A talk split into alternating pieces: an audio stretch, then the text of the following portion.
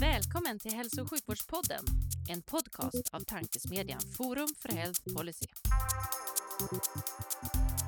I den här podden möts frågor om hur vi kan få bättre hälsa med frågor om vilken politik som krävs. Det kommer bli samtal om personcentrering, ledarskap, digitalisering, organisation, politik och mycket mer.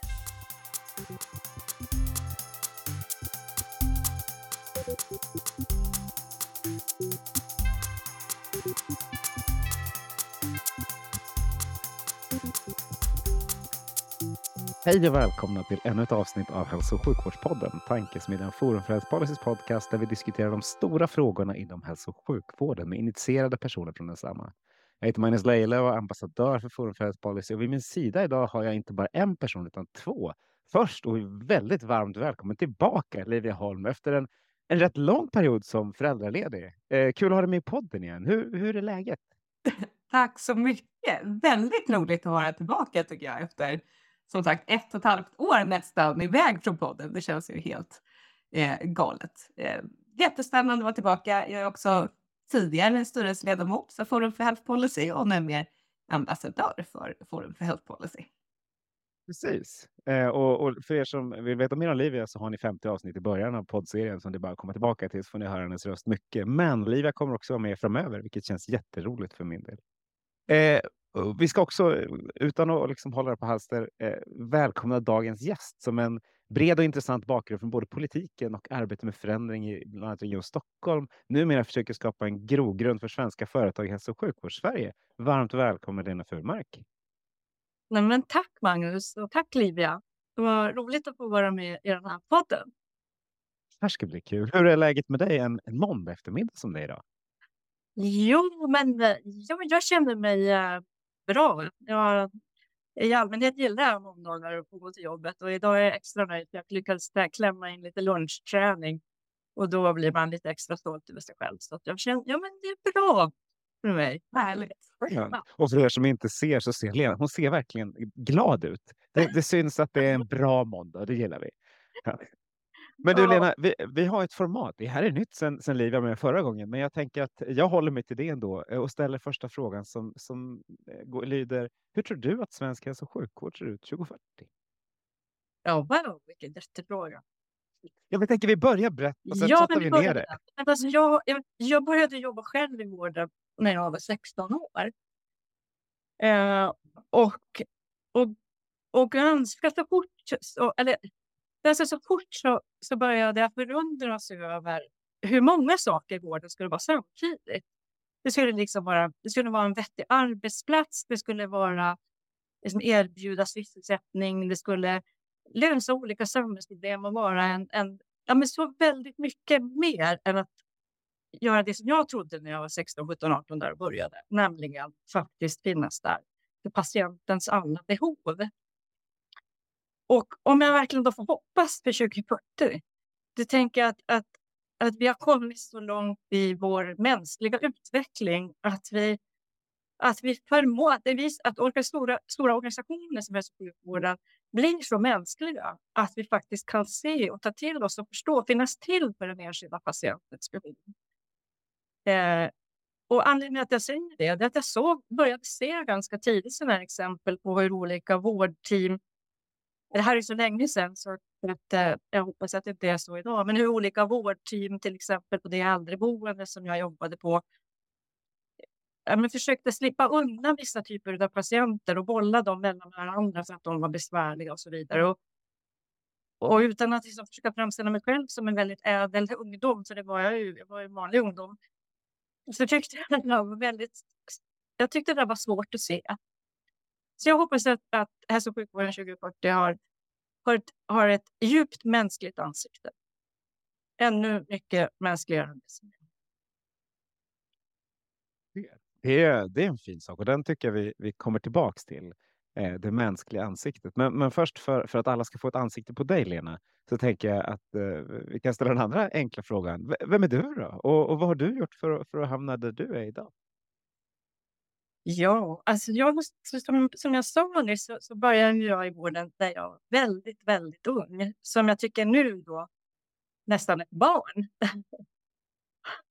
och, Och det, det, det präglade mig väldigt mycket. Så att jag, eh, jag jobbade egentligen då från när jag var 16 till när jag var 23 så jobbade jag och utbildade mig inom vården. Först, som, först i det man kallade hemtjänsten då för tiden. Man kallades ju hemsamarit, ett väldigt gammaldags uttryck, men det så kallades det. Och sen så utbildade jag mig till sjuksköterska och jobbade som det. Eh, och, och på olika vägar och kände väl också hela tiden det här att det här kunde vara världens absolut bästa arbete. Det här kunde vara världens finaste arbetsplats. Men det är någonting som skaver och det kändes som att jag inte riktigt hade verktygen för att varken formulera problemen eller göra någonting åt det. Så det ena ledde liksom till det andra och jag började läsa juridik och sen läste jag nationalekonomi. Jag tog lite olika sådana akademiska examina och blev någon slags kombination av samhällsvetare och filkand och sjuksköterska och, och det, här, det här paketet. Och med den bakgrunden så, så kom jag ganska snabbt in i de här nationella sammanhangen i sjukvårds-Sverige. Jag, jag började på, på ett traineeprogram på den organisation som nu heter SKR. Och detta allt medan jag då flyttade från Norrbotten där jag är uppvuxen och började jobba i sjukvården till via Uppsala till Stockholm. Så, så, så mitt första riktiga jobb efter universitetet, det var att jag var trainee på det som då hette Landstingsförbundet och nu heter SKR. Och sen Dröm, har det drömjobb att börja med. Vad sa du? Det måste vara ett drömjobb att börja med. Jo, men alltså jag... Alltså jag, jag kände mig... Jag kommer faktiskt ihåg det. Jag kommer ihåg när jag såg den där annonsen. Det var ju alltså som, som det är när man, när man är liksom nybakad från universitetet och, och man pen, pen, alltså, kompassriktningen pekar en massa olika håll. Jag kommer ihåg när jag såg den där annonsen där Landstingsförbundet just sökte en trainee. Och jag kommer ihåg, jag tänkte, "Ja, men det här, det här är ju mitt jobb.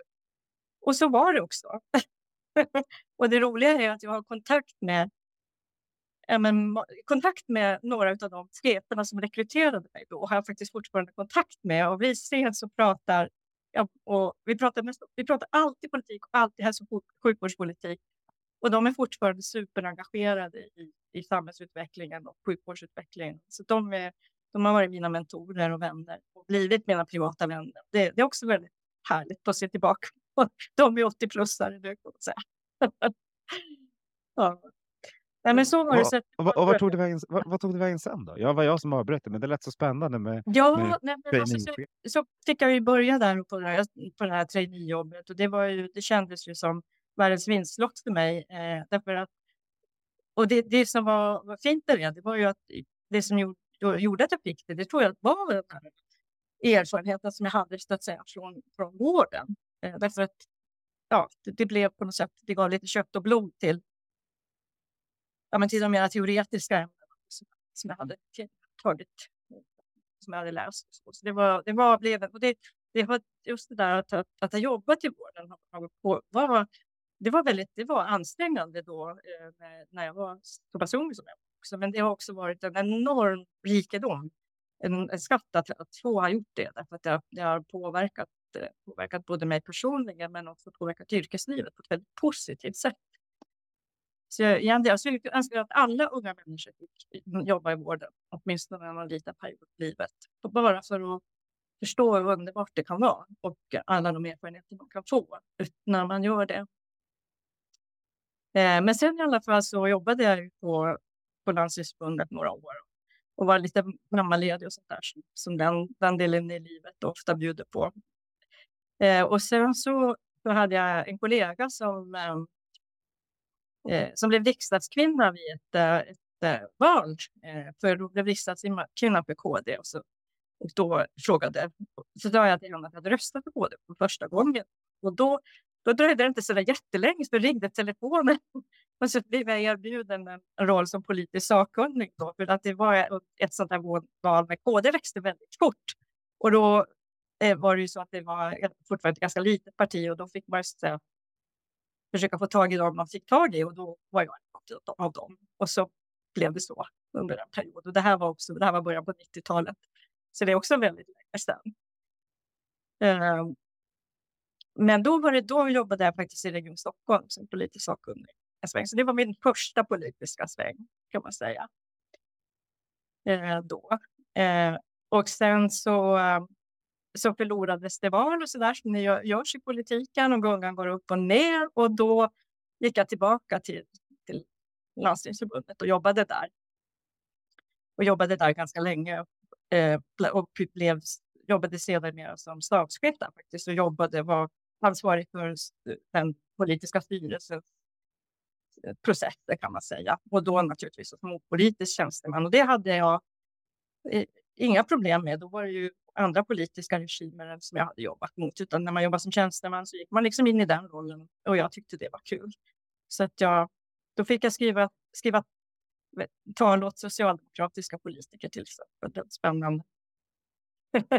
alltså, inte politiska tal kanske, men det skulle hälsas välkommen och det skulle ja, men föras dialoger i olika sammanhang på, på, på Landstingsförbundet.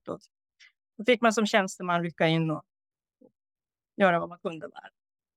Du, du får det att låta så enkelt, för det låter som att det borde vara svårt att ha liksom, först haft en politisk hatt och sen ha en neutral hatt, men försöka företräda en, en annan politisk inriktning. Det kanske inte är så svårt. Det, alltså, det kanske jag... ordbajs som ordbajs, men det, det låter som att man får tänka till. ja, det tycker väl något i det. Nej, men jag tyckte nog inte det. Och det, det är väl en sån sak som, som, jag, som jag också har burit med mig och som jag så, också känner ganska mycket eh, som jag, jag är glad att jag har fått vara med om det, jag har verkligen, det här med, med, man kan ju ha politiska uppfattningar och företräda olika intressen, alltså som jag till exempel gör nu. Mm. Men det som gör Sverige till ett riktigt jäkla bra land, det är att det finns en massa... Dels så finns det en, en ganska stabil bottenplatta av vissa värderingar som ändå inte skiljer sig så himla mycket åt mellan olika politiker. Dels då, nu är det ett tag sedan som jag höll på med i politiska miljöer, så det kanske har blivit lite annorlunda. Men, men jag uppfattade också att när jag höll på så fanns det ett antal eh, politiker som tvärs över olika partigränser verkligen vårdade sig om ett bra klimat. Alltså det, fann, det var inte, alltså man odlade inte en miljö där, där det förekom personangrepp eller där man försökte ta heder och ära av varandra. Utan, och speciellt, jag jobbade också under en period i riksdagen och speciellt i riksdagen så kommer jag ihåg det, bland, bland annat då den dåvarande vänsterpartistiska eh, vice talmannen kom fram till mig vid något tillfälle när det var sån sån här mingel i sammanbindningsbanan. Och då var jag, jag var fortfarande jätteung då när jag jobbade, där, så jag hade inte så mycket erfarenhet av politiskt arbete på den nationella nivån. Jag kommer ihåg att hon hade på sig en sån där, hon hade på ett sätt på sig en folkdräkt och hon var väldigt tjusig och, och jag tyckte hon var väldigt respektingivande. Hon var ju vice talman.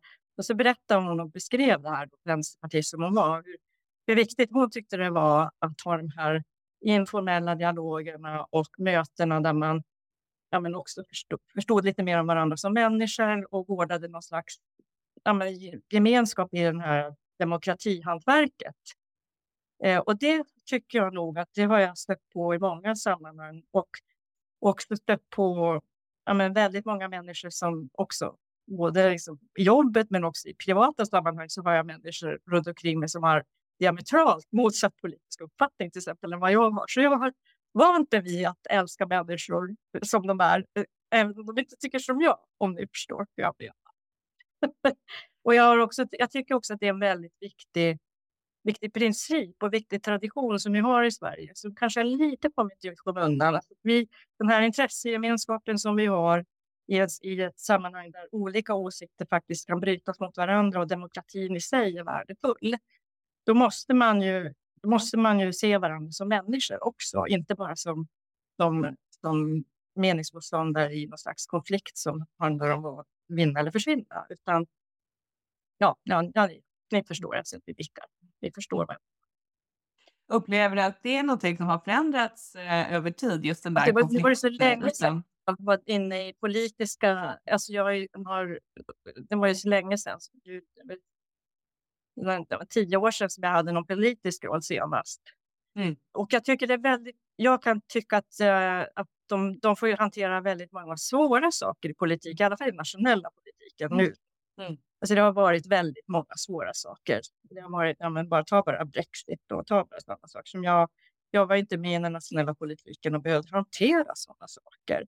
Så jag tycker att det har ju förändrats. Alltså världsläget är lite annorlunda än, än det var. Mm. eh, säkerhetsläget och massa sådana saker. Och, så jag är, inte, jag är inte avundsjuk på dem, för jag förstår att det där måste kosta på alldeles otroligt. Eh, men, eh, så, men jag tycker, nog, jag tycker nog i alla fall i det jag ibland ser att debatttonen blir lite... Alltså den, jag tycker den skrämmer iväg vissa typer av människor som skulle kunna intressera sig för politiken. Tyvärr, kan jag tycka. Mm. Mm. Eh, därför att det, det, det, ja, det kan jag tycka. Det, det skulle jag önska vara lite, lite mer. Ja, men lite mer glimten i ögat, liksom inte ta sig själv på så fruktansvärt stort allvar. Och, ja, men, och, Nej, och pra- mer liksom, ja. om eh, samverkan och just för hälso och sjukvården så är det där extra viktigt att man Mm. har den långsiktigheten och som du säger grundplattan, eh, Mm. de delar gemensamma visioner för, för framtiden. Så, Jag tycker att det är så spännande, du nämnde där att du har fortfarande kontakt med eh, dina rekryterande chefer, vissa av dem, eh, från, från tiden, första tiden på, på dåvarande eh, SKR. ja, kan du berätta, jag är nyfiken på hur du ser att eh, debatten, eller eh, snarare eh, så att säga, innehållet i debatten har förändrats eller inte förändrats sedan du började jobba med styrningsfrågor inom hälso och sjukvården. Alltså vilka frågor har hängt med hela vägen? Vilka frågor har kommit nytt? Och vilka frågor skulle du vilja så att säga, lösas ut till den här tidslinjen 2040? Är det någonting du känner att herregud, det här måste vi väl ha, ha liksom löst tills dess? ja, men alltså det...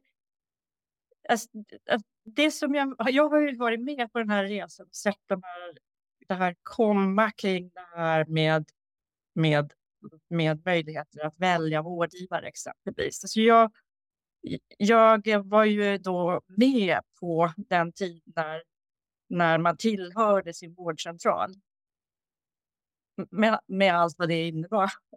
Och, eh, och jag var också med på den tiden när det var ibland, det var ju framförallt var det ju, eh, upplever jag, en rörelse inom S, som Socialdemokraterna, som möjliggjorde för att det skulle kunna komma in privata aktörer och det skulle öppnas upp för, för alternativa utförare i vården. Det, det, jag kommer ihåg, det var till exempel eh, det var något som hette Maktutredningen på 80-talet. Olof Pettersson hette han då, mycket, mycket välkänd statsvetare som, som gjorde en genomlysning av hur människor upplevde sig som medborgare och hur de såg på demokratin och hur de upplevde sig i förhållande till offentlig sektor och så. Det, det var väldigt mycket prat om att man, att det var väldigt mycket om att man kände sig, men, att det var ett ganska auktoritärt förhållningssätt i förhållande till patienten men också till föräldrar på förskolor och, och dagis som det hette då. Det fanns, människor upplevde sig maktlösa i förhållande till det offentliga. Och den, hela den debatten, den processen har jag fått följa då eh, och sett hur många gånger mödosamt men, men ändå tycker jag på det hela taget väldigt positivt. Hur, hur, jag kommer ihåg när jag var sjuksköterska då, eh, så var jag som sagt väldigt ung. Och det fanns liksom inga andra arbetsgivare överhuvudtaget än landstinget för mig. Alltså de, och jag, jag hade inte fattat det när jag ut... inte även när jag var hyfsat vaken ungdom. Men liksom jag hade liksom inte fattat att oh, men okej, nu blir jag sjuksköterska, då måste jag jobba, då måste jag jobba på landstinget. Punkt. Det hade inte jag fattat. Så det här med att jag började läsa juridik och så där, det hade, var väl lite som en sån här inlåsningseffekt som jag upplevde. Så, oj, då, oj, för att kunna göra någonting någon annanstans överhuvudtaget så var jag tvungen att... Ja. Och det här är inte så himla länge sedan. Det var liksom 19, ja, det är det länge sedan på ett sätt. Det var som 83 kanske, 84 där. Men det är i alla fall historisk tid och det var så väldigt annorlunda. Och jag har fått sett hela den debatten liksom, hela, och hela den mödosamma processen som det innebar då att, att öppna upp och bryta upp och, och tänka. Eh, och det fanns ju också, under, jag var ju också delaktig i liksom politisk, eh, de politiska strömningarna då som, som sa att jo, men det här är jättebra, det här är något som kommer att leda till mer innovation, mer patientnytta, lägre kostnader och så vidare. Så den, det, det har jag fått förmånen att följa. Det som jag kan, det som jag kan se nu då, det är att, att, att det på något sätt är det som att vi, vi tenderar att ta den här val, valfriheten, den, den känns så himla naturlig. Så den tenderar att börja ta lite för given. Och, och förstår kanske inte alltid kopplingen mellan att, att det ska finnas, att, att det behöver uppmuntras också att det finns många typer av utförare i vården för att den här mångfalden ska fortsätta finnas. Alltså att, att man som patient ska kunna välja mellan. Och är man inte nöjd med den vårdcentral som man har så ska man kunna ja, men söka, söka sig någon annanstans. Att, att den typen av... Det, det förutsätter att det finns flera. Det, där, jag tycker det har kommit lite grann i skymundan vad det är som är förutsättningarna för, för att välja och möjligheterna till innovation.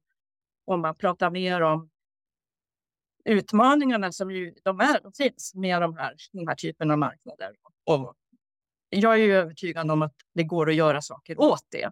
Eh, att, och att, att det går att göra med politiska medel utan att man behöver slänga ut barnet i badvattnet. Så det är en sån sak som jag önskar. Att man, skulle, att man fortsätter att vårda de här valfrihetsreformerna och patientlagen och vårdvalen och, och det. Därför att det, det, för mig är det frihets, frihetsreformer som har varit väldigt viktiga och som blev, blev lite mer som patienter faktiskt fick något att säga till om, inte, inte bara fick ja, med det här gammaldags uttrycket stå med mössan i hand, liksom, ta emot det som erbjöds. Märkte att var, Livia gick igång på, på, det här, på den här intro, vilket jag tycker är helt rätt. Jag tycker att för lyssnarnas skull ska de få veta lite vad liksom, hela din biografi bakom, så du får lite Microsoft och lite statssekreterare, lite Region Stockholm och sådär, och vad du gör nu. Bara ja. så att vi hamnar där och sen, ja, sen, sen hugger vi tag i alla de här frågorna. Jag fattar, men du ser, jag, jag, säg åt mig att prata om jag kan prata för dig alldeles för länge. Det är, det är eh. tvärtom. Det, det, är snarare så att vi kommer att ställa så mycket frågor så att du kommer att prata för länge. Då måste vi ta oss tillbaka själva så att du får, ja, men vi landar tillbaka. Ja, det är jag som blir för nyfiken för snabbt helt enkelt. Nu, nu går vi tillbaka till det. Nej, men som sagt, så sen när, när, eh, när jag, när jag, jag, jag var ju faktiskt också en sväng på riksdagen. Jag jobbade som kanslichef på på eh, riksdagskansliet. Och det var återigen en sån här gång när, när, eh, när Kristdemokraterna, då, som, som var ett parti som jag jobbade åt då, hade gjort ett bra val och eh, dock inte, det var i oppositionsstämning, så att, eh, men det var ändå ett, ett bra val och eh, det behövdes en kanslichef då. Så jag jobbade i, i riksdagskansliet och hade hand om riksdagsgrupp tillsammans med gruppledaren som då för övrigt var Göran Hägglund så hade vi hand om riksdagsgruppens eh, arbete. Och så gjorde jag det under ett tag och ehm, eh, ja, men blev sen som, ja, kan man säga headhuntad in till Microsoft för att jobba med deras hälso och sjukvårdsutveckling på. De, det var ju så att det var väldigt, väldigt lite just då eh, och, och eh, lite fokus på, på offentlig sektor och hälso och sjukvårdsutveckling generellt där på Microsoft. Men, men, men eh, en annan person som jag har jobbat länge med, eh, som, eh, som heter Karin Johansson, var då, blev då chef för public sector-segmentet på Microsoft. Och eh, hon eh, rekryterade mig till Microsoft då och jag började där. Och var ansvarig för, för och då, då fick jag ju börja med, med försäljningsverksamhet kan man säga, för det var ju det. Var ju det. Eh, och det var väldigt, för mig väldigt främmande, väldigt intressant, väldigt utmanande och väldigt, väldigt givande. Jag fick en väldigt, stor respekt för, för det hantverket, för det är också ett hantverk. Eh, och, um, um, och, det, och det handlade ju då, det handlade ju då om, om, om alltså jag var ju också hade ju jobbat med sjukvård och, och politik och så där och kunde ju, var väl allmänt intresserad av IT och teknologi och mjukvara. Men, men det var, man kan säga, väldigt brant inlärningskurva där första, första halvåret på Microsoft. För att, ja, det, var inte, det var inte mycket jag fattade. Jag, kan säga. Jag, jag, jag kommer ihåg att jag gick till en kollega och frågade vad är skillnaden mellan desktop och server. Han tittade på mig liksom lite, lite sådär som, ja men herregud, var ska jag börja ungefär? Men, det var en bra fråga. Jag känner igen Men i alla fall så, så, så ja, men jag fatt, började jag ju fatta det då i alla fall. Så. Eh, och, eh, och, och började också förstå att jaha, men, ja, men här kommer jag då med, med helt andra erfarenheter än de här unga duktiga IT-människorna har. De, de förstår inte alls hur, hur kommuner och regioner fungerar. De förstår inte att uh, istället för att gå till en och en sjukhus och vårdcentral så ska du gå och prata med, med IT-avdelningar på regionerna, för då, då får de ju sälja liksom mycket större paket. Så när, då blev de ju stjärneglada när de förstod att de hade förstod det, så då hjälpte, hjälpte jag till där. Och, och, och det där blev framgångsrikt. Så att från så när jag, kom, när jag kom då, så då var jag säljansvarig för alla 21 regioner. Men när jag slutade på Microsoft, jag jobbade väl där sex, sju år, eh, då, då fanns det flera säljansvariga. Eh, alltså då hade hela den här affären och liksom organisationen vuxit dramatiskt. Så nu, och nu är det ju något helt annat naturligtvis. Det här är också väldigt länge sedan, så det var ju väldigt, väldigt mycket i, i startpunkten av, av, av den där e-hälsovågen. Ja, det, var ju, det, har ju, det har ju blivit en helt annan sak också nu. Eh, det var i alla fall roligt. Eh, så, sen jobbade jag också i, alltså jobbade i Microsofts europeiska organisation under en period innan jag slutade på Microsoft och, och eh, jobbade också med, med hälso och sjukvårdsdelarna där. Och, men jag fick fördjupa mig lite grann i hur de hade det i Danmark och Holland och, och så där. Och, och eh, gjorde den där reflektionen som så många gör. Man kan ha lite olika system, men utmaningarna är ungefär desamma. Och det var väldigt påtagligt också då. Eh, att utmaningarna ser väldigt likartade ut, även om man har ett försäkringssystem till exempel. Eller om man har ett, ett offentligt finansierat försäkringssystem eller ett, ett annat system. I grund och botten kokar det ner till, till samma typ av utmaningar för hälso och sjukvården. Mm. Så det var spännande. Ja, sen eh, jag måste tänka lite hur de här turerna gick. För sen i alla fall så, så blev det väl någon valvinst där igen då. Så att sedermera så blev jag inlockad tillbaka till socialdepartementet först som politisk sakkunnig då. Och det var, det var regeringen Reinfeldt 2. Så att här talar vi 2010. Så det här är ganska... Ja, inte alls så länge sedan. 15 år sedan snart. Sitter med din LinkedIn-sida uppe här så jag har kollat facit och ser att du verkar vara rätt på det.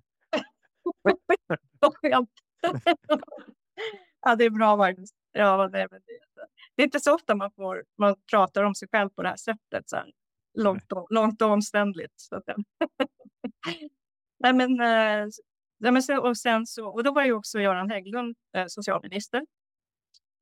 Och eh, honom hade jag ju jobbat med tidigare då när, när jag jobbat på Riksförsäkringsliet. Så det var, det var ett, ett roligt, ett, en rolig återförening med trevliga kollegor.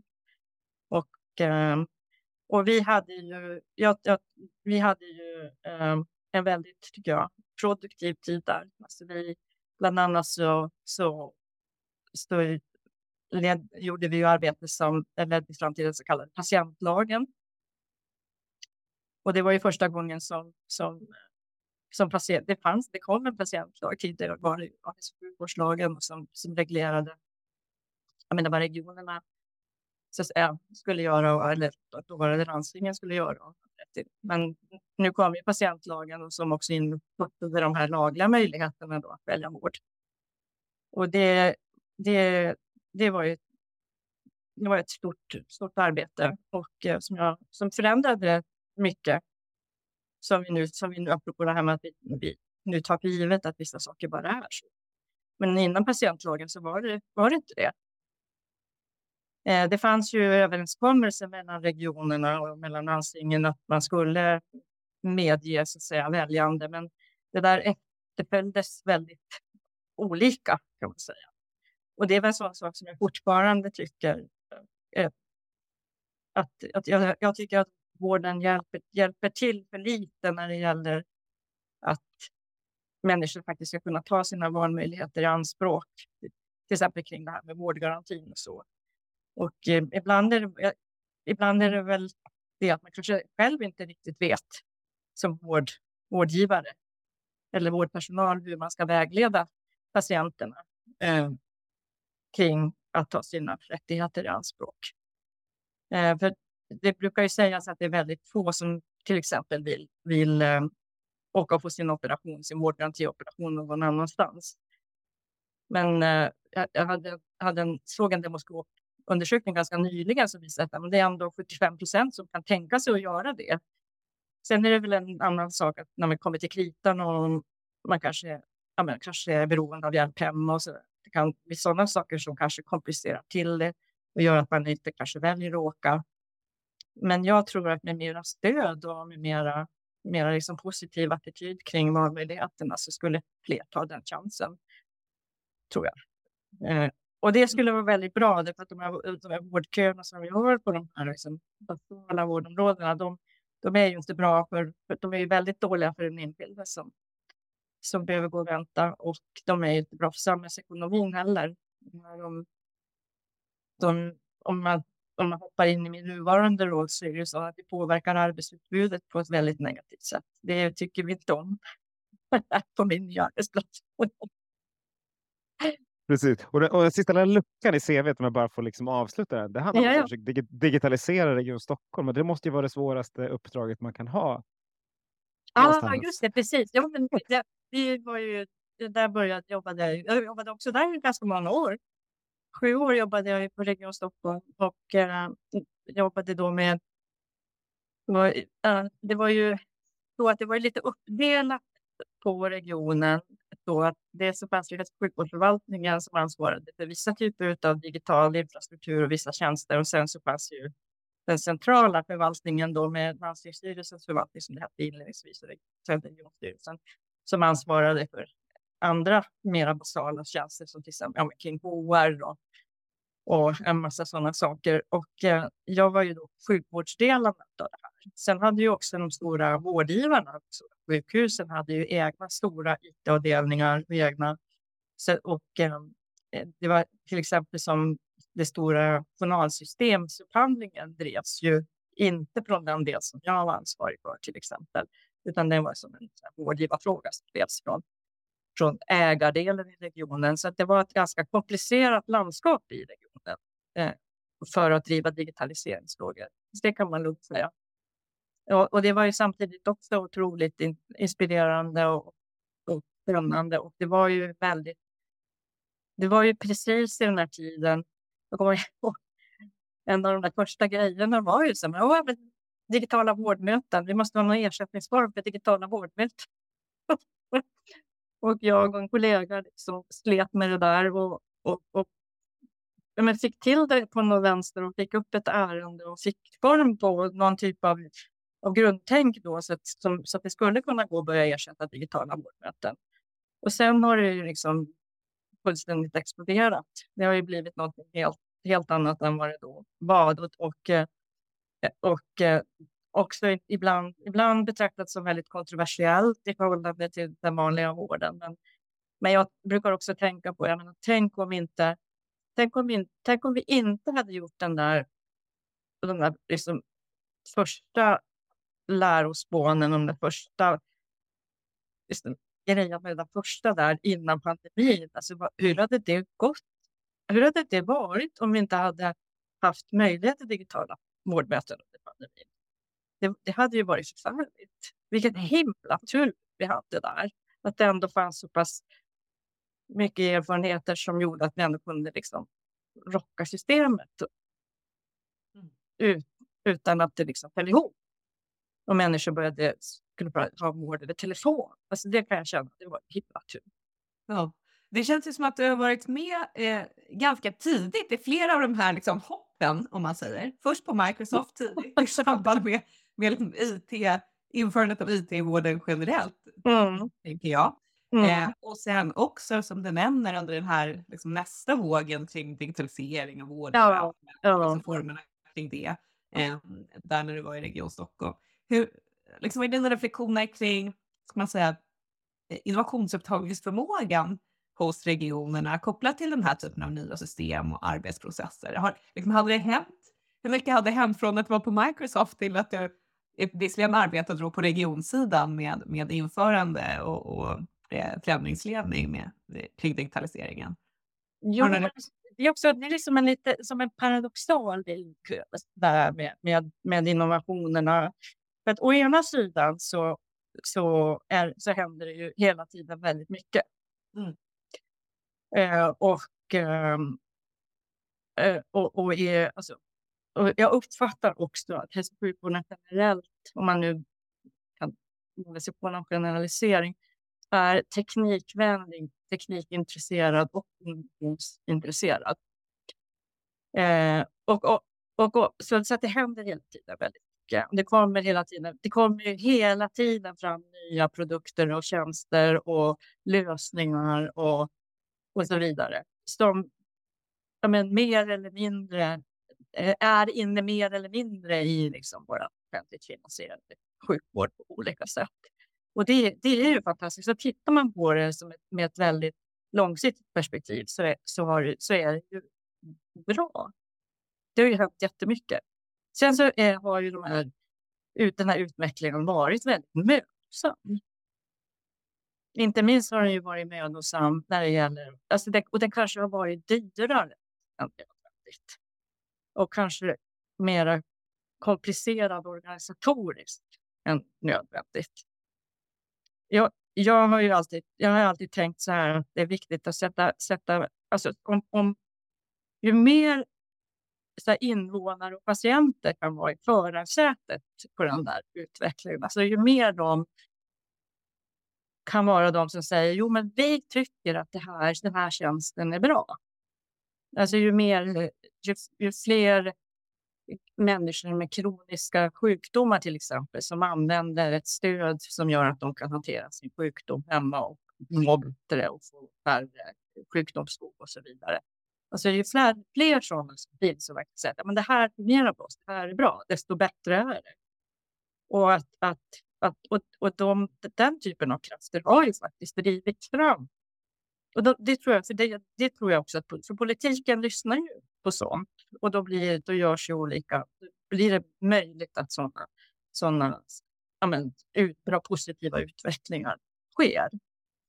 Eh, sen är det inte alltid lätt för de här jättelika organisationerna som det handlar om att vara snabba i förändringen eller att, att kanske ligga i den teknologiska framkanten själva så att säga, om ni förstår vad jag menar.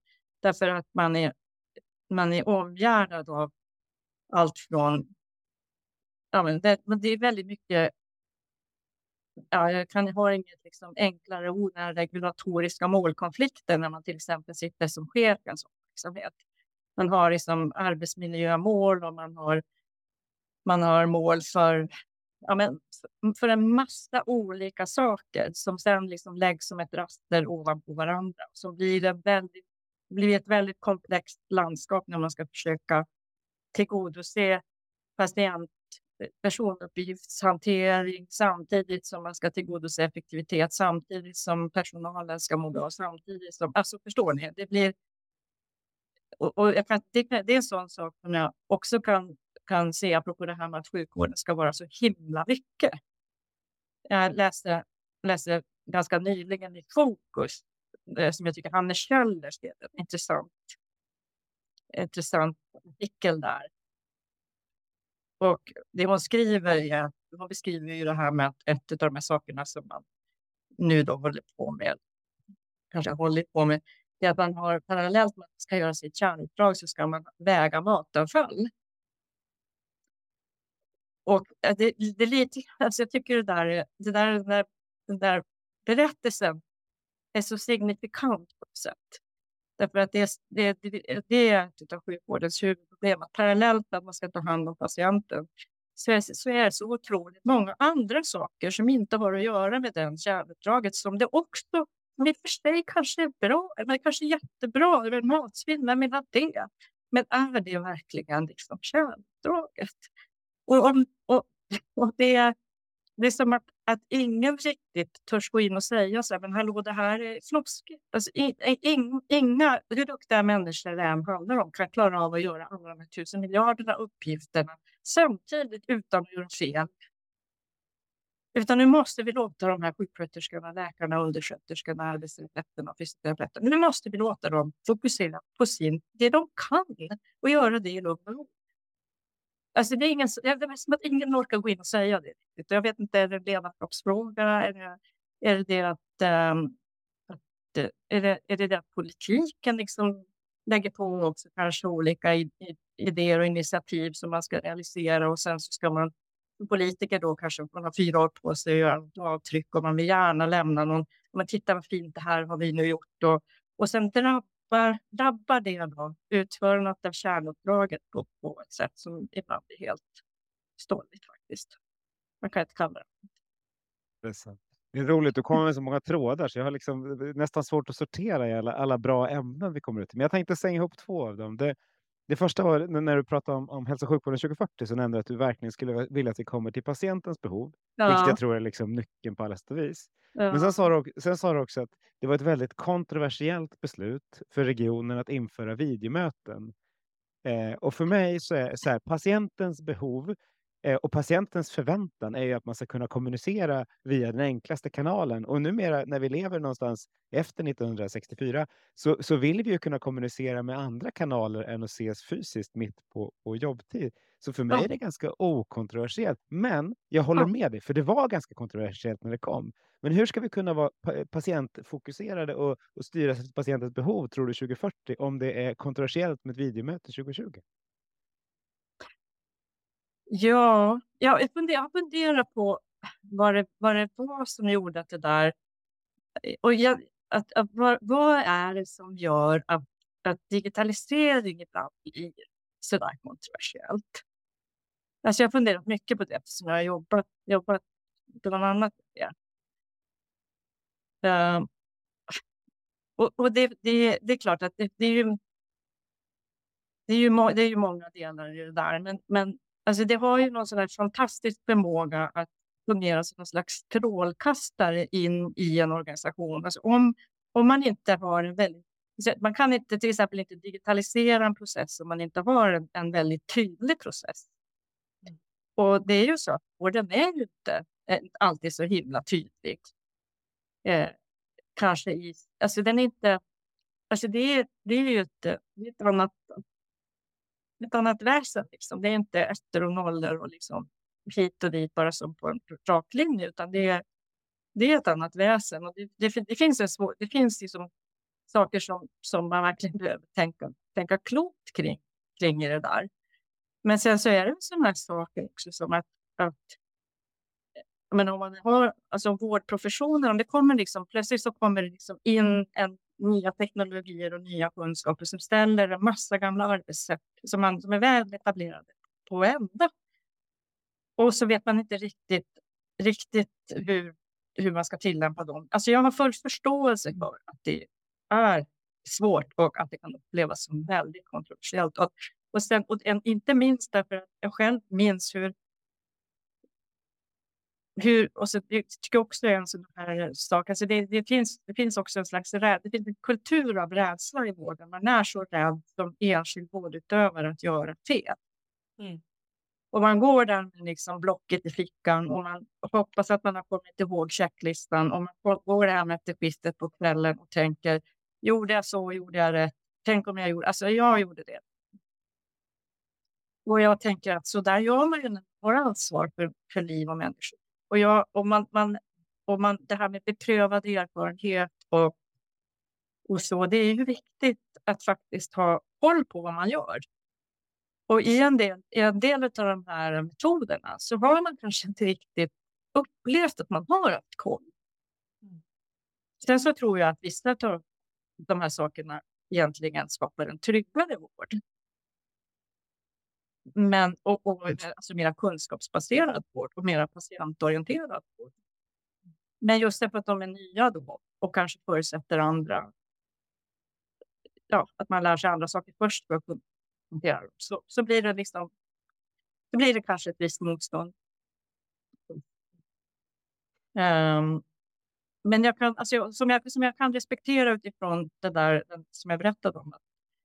Alltså att man vill inte utse, man vill inte göra något som är, som är oprövat för att patienter faktiskt kan få skada. Och så, men samtidigt så behöver man ju då vara med och utveckla och, fram, och framförallt också lyssna på och förstå. det som, jag, jag var på ett så otroligt intressant seminarium här eh, där vi pratade om virtuella vårdplatser för inte alls så länge sedan. Och, och, det, och det tycker jag är så ett fantastiskt exempel på hur de här alltså hur, hur det som jag verkligen vill då med, med det här med patientinflytande och patientmakt. Alltså då, det blir så tydligt om, man, om, man, om sjukhuset kommer hem till patienten istället för att patienten ska komma till sjukhuset. Så blir de här maktförflyttningen så tydlig. Mm. Alltså, vårdpersonalen får ta av sig skorna när de kommer in i patientens lägenhet. Man liksom blir gäst hos dem.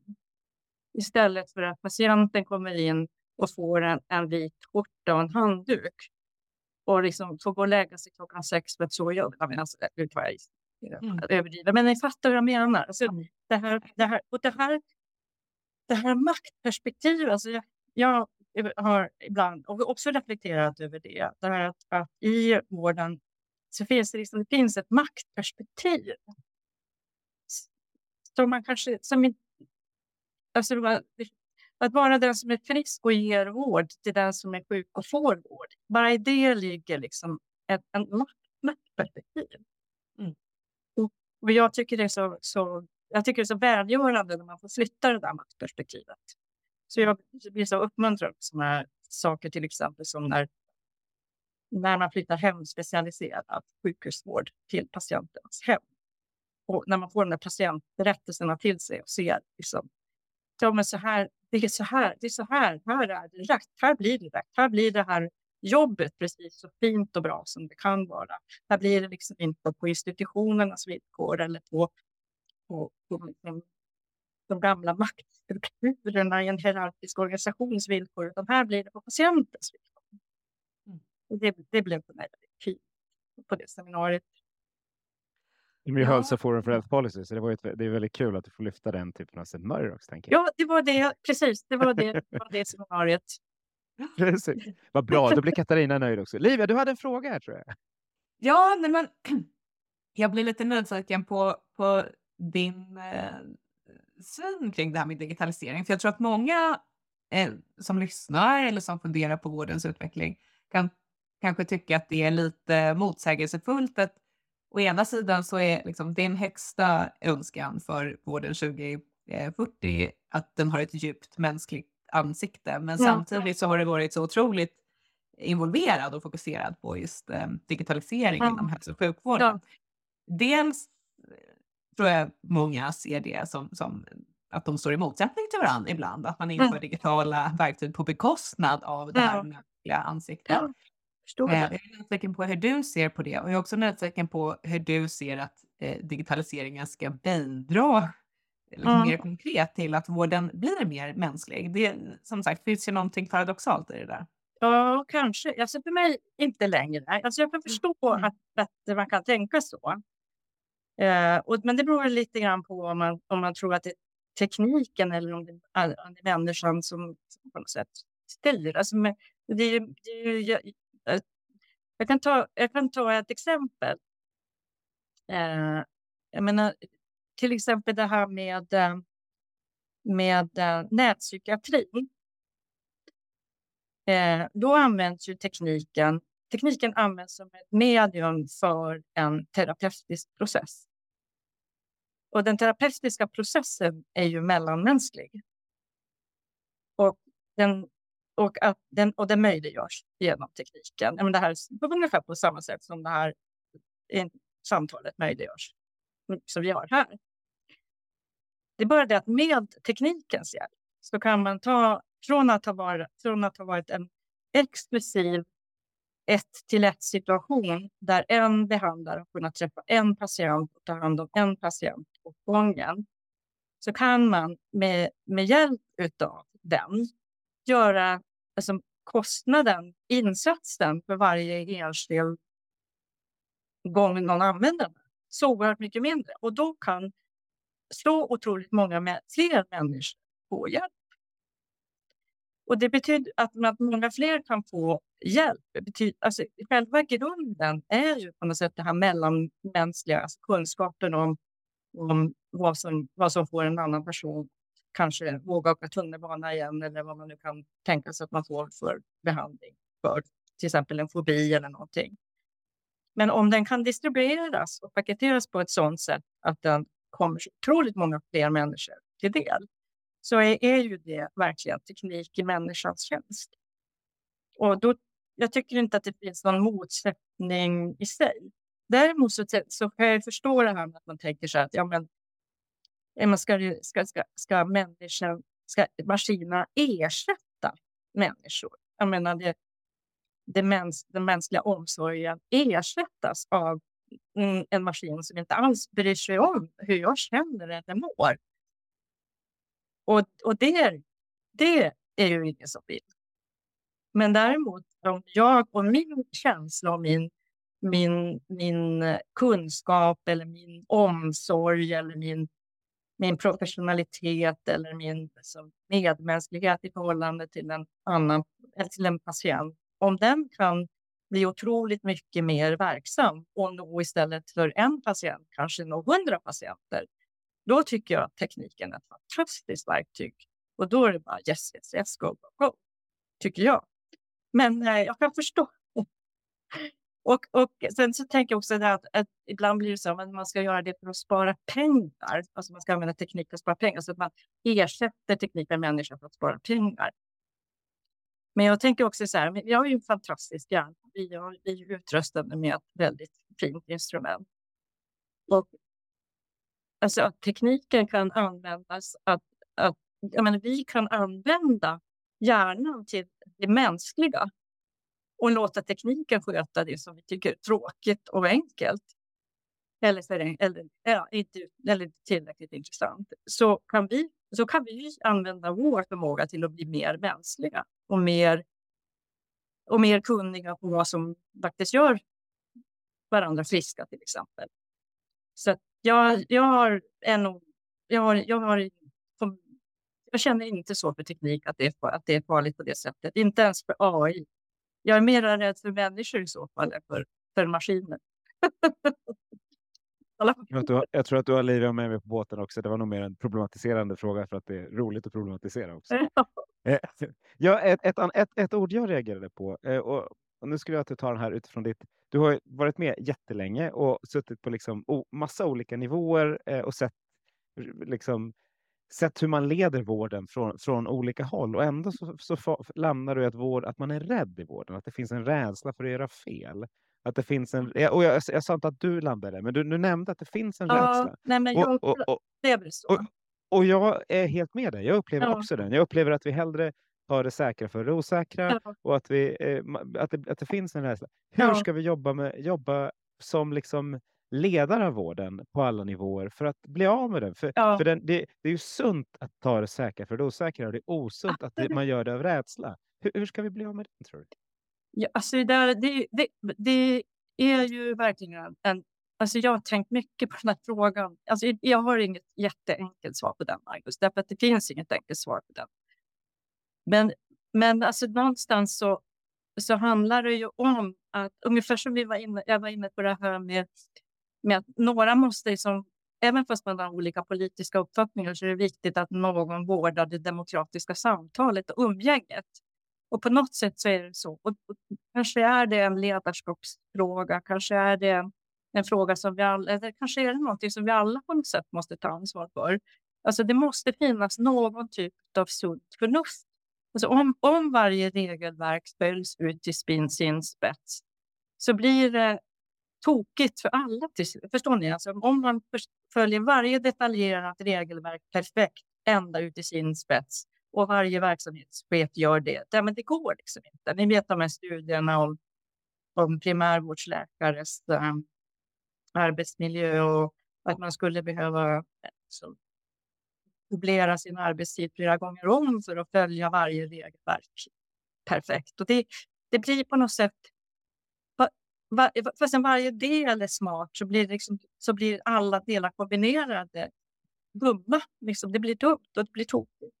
Och, um, jag tänker också ibland på det här med på, på IVOs tillsyn och på, på viten och på... Men på, det på något sätt så är det som att vi, man skulle behöva ha en form för och prata om vad är sunt, vad är sunt förnuft i den här situationen. Vad är rimligt och vad är möjligt? Och det blir så där att vi, vi liksom ställer varandra till svars med olika typer av regelverk det hela tiden. Och då kommer vi, eftersom regelverken inte går att följa allihopa samtidigt, så kommer vi till korta där på något sätt. Då.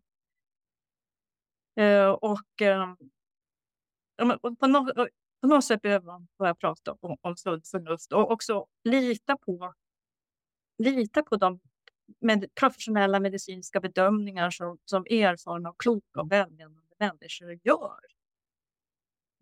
Eh, och inte, inte kräva att de ska följa manualer istället för sitt eget, sin egen klokskap och sitt eget förstånd i en viss situation. Eh, och eh, jag, jag, jag har en...